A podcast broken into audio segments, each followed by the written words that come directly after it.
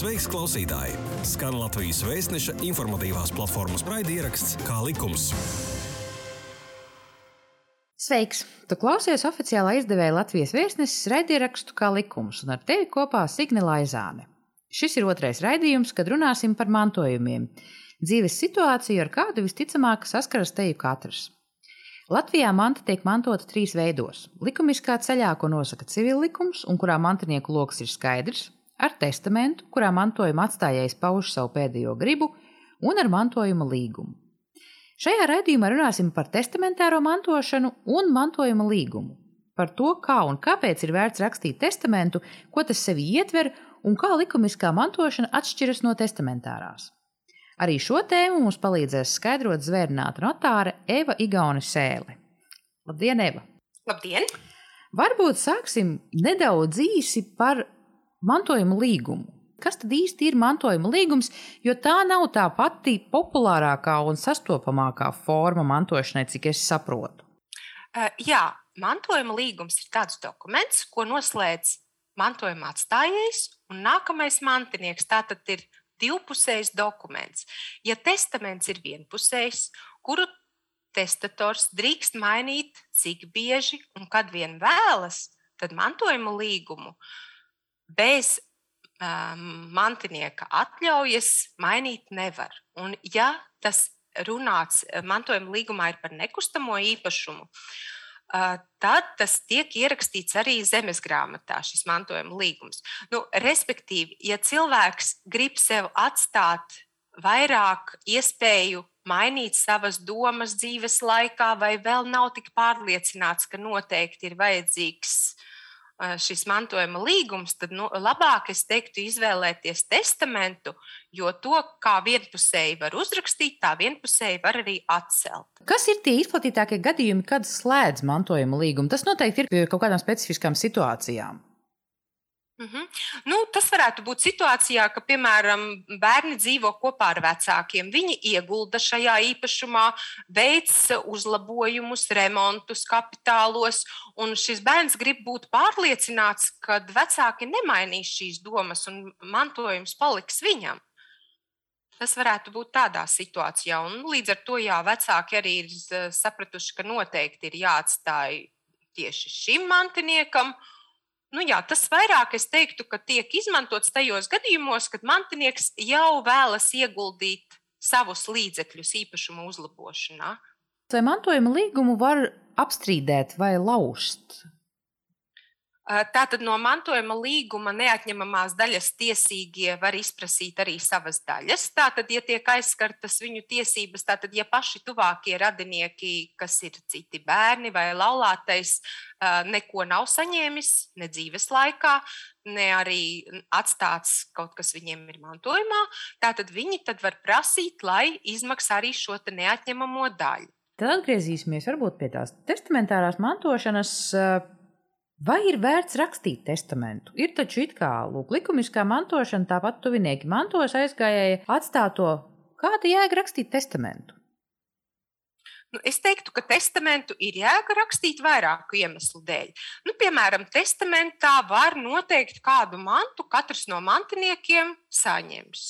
Piemēram, ja ir laulātais un divi bērni, tad situācijā, kad nebūs uzrakstīts testaments, mantojuma tiesībās tiks apstiprināti katrs uz vienu trešo domājamo daļu no visa atstātā mantojuma.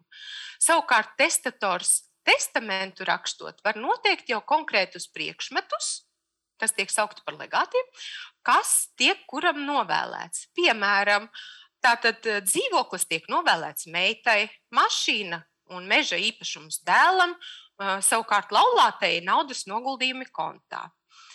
Vēl mantojot pēc testamenta, valsts nodeva, reģistrējot nekustamo īpašumu zemes grāmatā, ir zemāka, kas ir 0,125% no vērtības. Ja pēc likuma mantojot, piemēram, dēls, kurš nav pierakstīts vienā adresē, maksātu 0,5%. Bez tam praksē bieži sastopos arī ar situācijām, ka vecākiem sevišķi mīļi ir mazbērni, kuriem vēlas atstāt mantojumu. Un arī šajā situācijā testaments būs nepieciešams, jo pretējā gadījumā, ja ir bērni, tad mazbērni mantojumu vienlaicīgi nevar saņemt kopā ar bērniem. Kas nepieciešams testamenta rakstīšanai?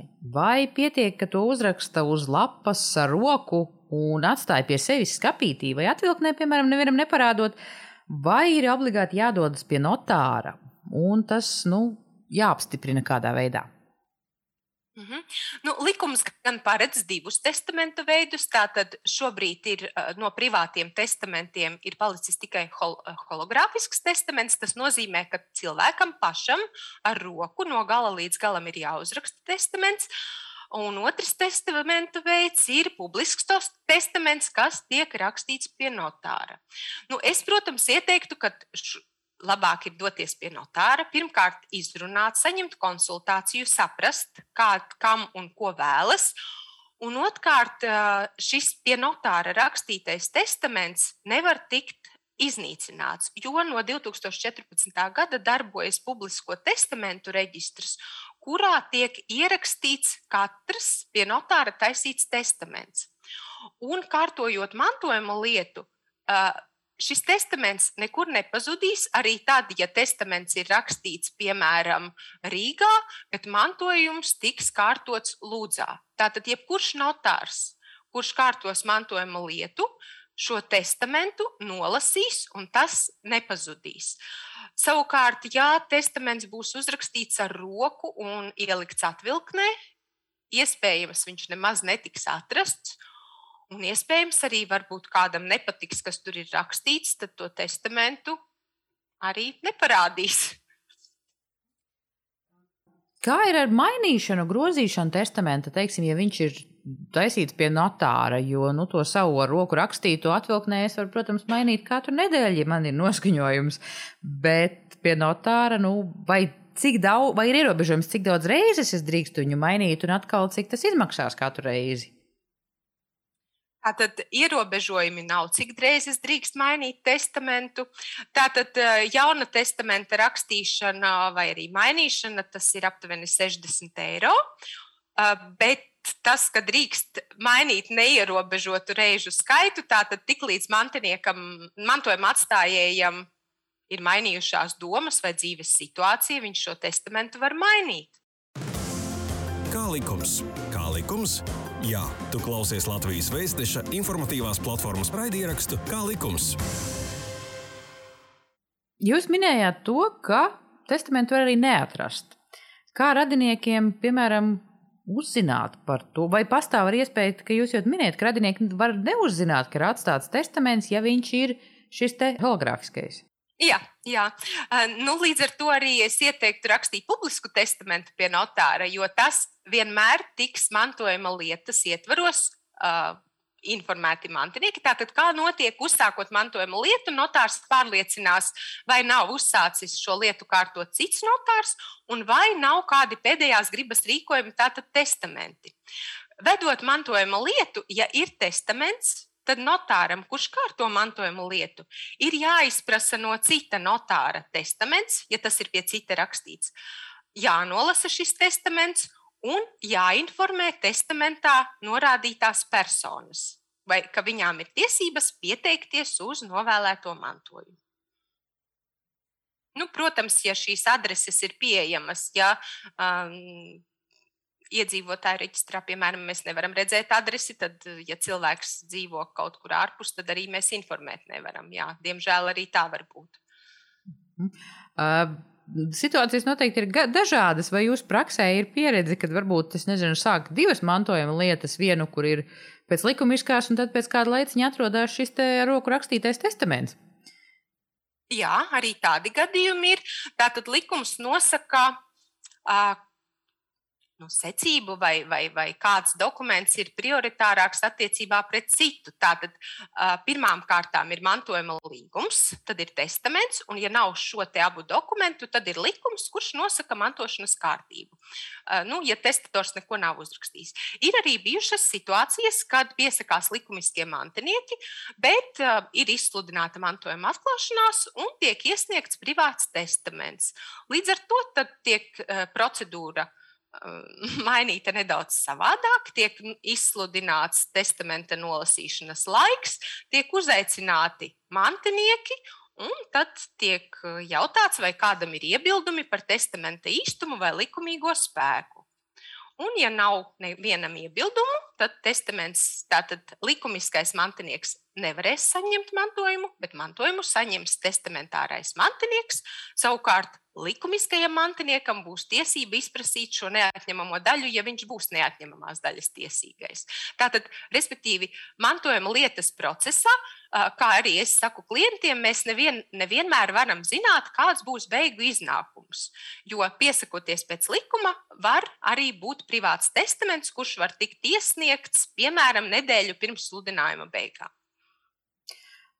Šādi roku rakstīti testamenti izklausās diezgan, nu, diezgan sarežģītas situācijas. Var radīt, kā ir ar gadījumiem, kā pierādīt, ka viņš tiešām ir īsts. Nu, tā tad šobrīd notāra kompetencē nav tiesības apšaubīt testamenta īstumu. Ja tiek iesniegts ar roku rakstīts testaments, un no pers neviena no personām neapšauba, ka tas ir īsts, Tātad no mantiniekiem neviens neapšauba tā īstumu. Tad notāram uh, ir jāatzīst šis testaments par stājušos spēkā. Tad mēs arī nonākam pie nākamā jautājuma, vai testamentu var apstrīdēt, un kad un kādos gadījumos to dara, un kāds ir šis process, kā to pareizi darīt? Tā tad par, par strīdiem, kas var rasties testamenta sakarā. Tātad, ja ir privāts ar roku rakstīts testaments, tad pēc testamenta nolasīšanas mantinieki var griezties tiesā un apstrīdēt, ja uzskata, ka, piemēram, tas nav rakstīts ar testatora roku. Eh, ja viņi uzskata, ka tā nav bijusi viņa griba, bet kāds ir diktējis, kas viņam ir jāraksta, vārdu sakot, var rasties dažādi strīdi pie privāta testamenta, un Kamēr šie strīdi tiek risināti tiesā, mantojuma lieta tiek apturēta. Savādāk ir ar publiskiem pie notāra rakstītiem testamentiem, jo likums saka, ka publiskiem testamentiem var celt tikai viltojuma strīdu. Tātad, bet ņemot vērā, ja, ka mums šobrīd ir publisko testamentu reģistrs un mēs pārliecinamies, ka notārs, kurš apliecināja, ir ievadījis publisko testamentu reģistrā informāciju, tad es teiktu, ka par publiskiem testamentiem strīdiem nevajadzētu būt vispār. Jo notārs ir noskaidrojis cilvēka gribu, pierakstījis un fiksējis šo dokumentā. Savukārt par privātiem testamentiem tur amatpersona nav piedalījusies pie sastādīšanas, nav uzdevusi jautājumu. Līdz ar to var rasties daudz un dažādi strīdi par to īstumu un likumīgo spēku. Domājot par testamentu un, piemēram, neradinieki, ja aizgājējs ir atstājis visu savu mantu ar testamentu kādam, kas nav radinieks, respektīvi svešam cilvēkam, Kādos gadījumos tas parasti notiek un ko var darīt radinieki? Es saprotu, apstrīdēt, pieņemt, eh, ir šī neatņemamā daļa, uz ko radinieki var pretendēt. Kāds ir tas process? Vai ir kaut kāds process pat, lai neko nedarītu, ja viņi pieņem, vai tad arī ir kaut kas jāapstiprina, ka viņi pieņem šo te testamentu un neko netaisās iebilst? Mm -hmm. Tātad, eh, ja tiek uh, nolasīts testaments, neatņemamās daļas tiesīgajiem tātad bērni tiek informēti, ka viņiem ir tiesības pieteikties uz savu neatņemamo daļu. Tātad sludinājumā noteiktajā termiņā, ja viņiem ir tiesības iesniegt pretenziju un izprasīt savu daļu. Tātad, kā jau es minēju, šī daļa ir puse no tā, kas pienāktos pēc likuma. Tātad, tajā brīdī, kad neatņemamās daļas tiesīgais iesniedz notāram pretenziju, notāram ir pienākums informēt testamentāro mantinieku. Un uh, tātad lūgt vienot, nu, tātad iepazīstināt ar pretenziju un tā kā tuvināt viedokļus un mēģināt vienoties, vai izmaksā šo neatņemamo daļu, vai ir iespēja vienoties, kā šī daļa tiek izmaksāta, kā kompensācija. Eh, ja šī vienošanās netiek panākta, tad notārs izskaidro neatņemamās daļas tiesīgajam, kad viņam ir tiesības griezties tiesā un prasīt caur tiesu šo daļu.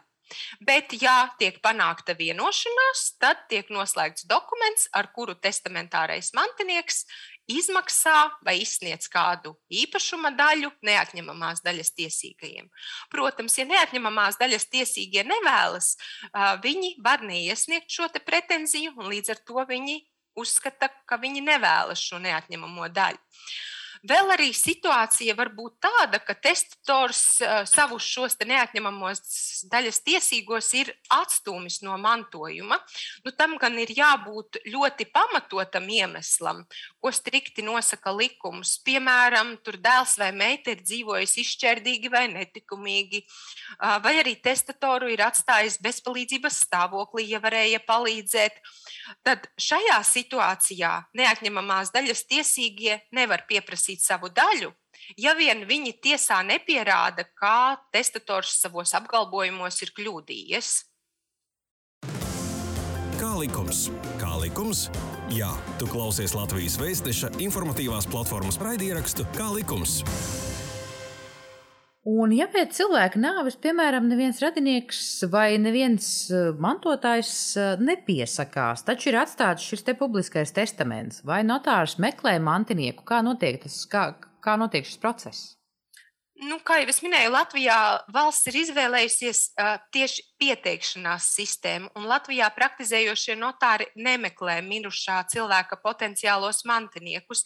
Tātad mantiniekiem pašiem pie zvērināta notāra ir rakstiski jāizsaka vēlme mantot. Uh, jā, to jūs minējāt arī to, ka ja mantojumam neviens nepiesakās, kas notiek ar mantu. Tātad nekustamā īpašuma, ja iet runa par nekustamo īpašumu, tad sakrājoties parādiem, Piemēram, pašvaldība ir tā, kas uzsāk mantojuma lietu, un uzsākot lietu, tad jau ir redzams, kad ir šis testaments. Un tajā brīdī mantinieks tiek informēts, uh, testamentā minētais mantinieks, ja viņš ir sasniedzams, viņš tiek informēts par to, ka ir šis testaments. Un tiek viņam kā, piedāvāts, vai viņš vēlas pieņemt novēlēto mantojumu. Tas ir tajā brīdī, kad nu, jau. Kāds ir uzsācis lietu, jā. Cik ilgs ir termiņš, teiksim, uzsākot, ja ir šis publiskais testaments, tas nozīmē, ka notārs pats uzsāk to mantojuma lietu, nav jānāk nevienam un jāpiesakās. Nē, nē. Tātad uh, Latvijā tātad ir izvēlējies, tātad Latvijas likums ir izvēlējies to, ka mantiniekiem vai kreditoriem ir jāpiesakās, un tikai pēc kāda rakstiska iesnieguma notārs uzsāk lietu. Pēc savas iniciatīvas notārs nevar uzsākt mantojuma lietu arī publiskiem testamentiem. Tātad, vai tas ir mantinieks pēc likuma, kurš ierosina lietu, vai kreditors, vai testamentā novēlētais mantinieks, respektīvi, kādam cilvēkam ir jāuzsāk lietu, jo notārs pēc savas iniciatīvas to nevar izdarīt. Labi, tad jautāšu, mēs jau tā kā mazliet par šiem pārunājām, bet varbūt vēlreiz tā, lai nostiprinātu zināšanas, cik izmaksā testamenta rakstīšana un kādas ir tās atšķirības pēc tam, saņemot mantojumu mantiniekiem ar izmaksām. Mm -hmm. Tātad testamenta rakstīšana izmaksā aptuveni 60 eiro. Eh, savukārt zemes grāmatā ir valsts nodevas samazināta, ja mantošana notiek pēc testamenta. Tātad pirmai, otrai un trešai šķirai ir 0,125% no mantotā īpašuma vērtības eh, salīdzinājumam. Tātad, ja nav testamenta, tad valsts nodeva bērnam ir 0,5%. Tātad pusprocents. Kas notiek ar testamentu? Ja testamentārais mantotājs ir miris pirms mantojuma atstājēja, bet testaments nav izmainīts. Mhm.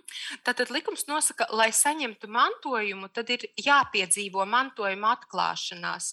Respektīvi, tam cilvēkam, kuram ir novēlēta manta, ir jādzīvo ilgāk nekā testatoram. Ja šis cilvēks ir nomiris pirms, tad līdz ar to šis testaments ir nu, nederīgs, tā varētu teikt. Un tad tālāk. Tad ir jāraksta. Jā, jauns testaments citam cilvēkam. Tā. Ja vien nu, šajā testamentā nav iecelts substitūts, kur tiek paredzēts, ka ja nu, tas cilvēks aiziet pirmais mūžībā, tad novēlu tam un tam. Ja šī lieta nav paredzēta, tad ir jāraksta jauns testaments, jo šis nebūs vairs izmantojams. Bet, ja šis testaments nav izmainīts un arī mantojuma atstājējs nomirst, tas nozīmē, ka viņš vairs nav derīgs un tālāk tā, tad process notiek pēc likumiskās. Tad ir likumiskā mantošana. Tad notiek likumiskā mantošana. Tiek aicināti likumiskie mantinieki. Labi, tad vēl pēdējais jautājums. Vai ir kādi gadījumi, kad nav izdevīgi rakstīt testamentu? Kad jūs kā notārs neieteiktu rakstīt testamentu? Nu, piemēram, ja man atnāk kundze un saka, ka man vīrs ir miris un man ir tikai viena meita, kurai es gribētu novēlēt savu dārza mājiņu, nu, tad es teiktu, ka tas nav izdevīgi, jo meita to dārza mājiņu nomantos kā likumiskā mantiniece.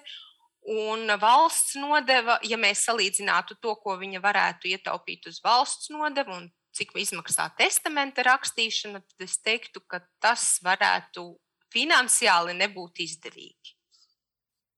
Jo uzrakstot šo testamentu, situācija nemainīsies no tā, ko nosaka likums. Skaidrs. Paldies, Eva, par sarunu. Lai rakstītu Paldies. testamentu, nav vienmēr jādomā par nāvi. Un šādas tēmas, lai gan nevienmēr ir vienkāršas un uztveramas bez emocijām, taču nenoliedzami nepieciešamas noteiktos dzīves brīžos. Reizēm apziņa, ka lietas saliktas pa plauktiņiem, sniedz tādu iekšējā miera sajūtu, kas, vismaz manuprāt, vienmēr ir patīkama. Paldies, ka klausījies! Zināt, vienmēr ir noderīgi. Ar tevi kopā bija Signe Laizāne un raidieraksts Kā likums. Šī bija iknedēļas pusstunda kopā ar oficiālā izdevēja Latvijas vēstneses informatīvās platformas raidierakstu Kā likums. Pastāsti citiem, ja bija noderīgi un interesanti. Kā likums, tiekamies ik trešdienu!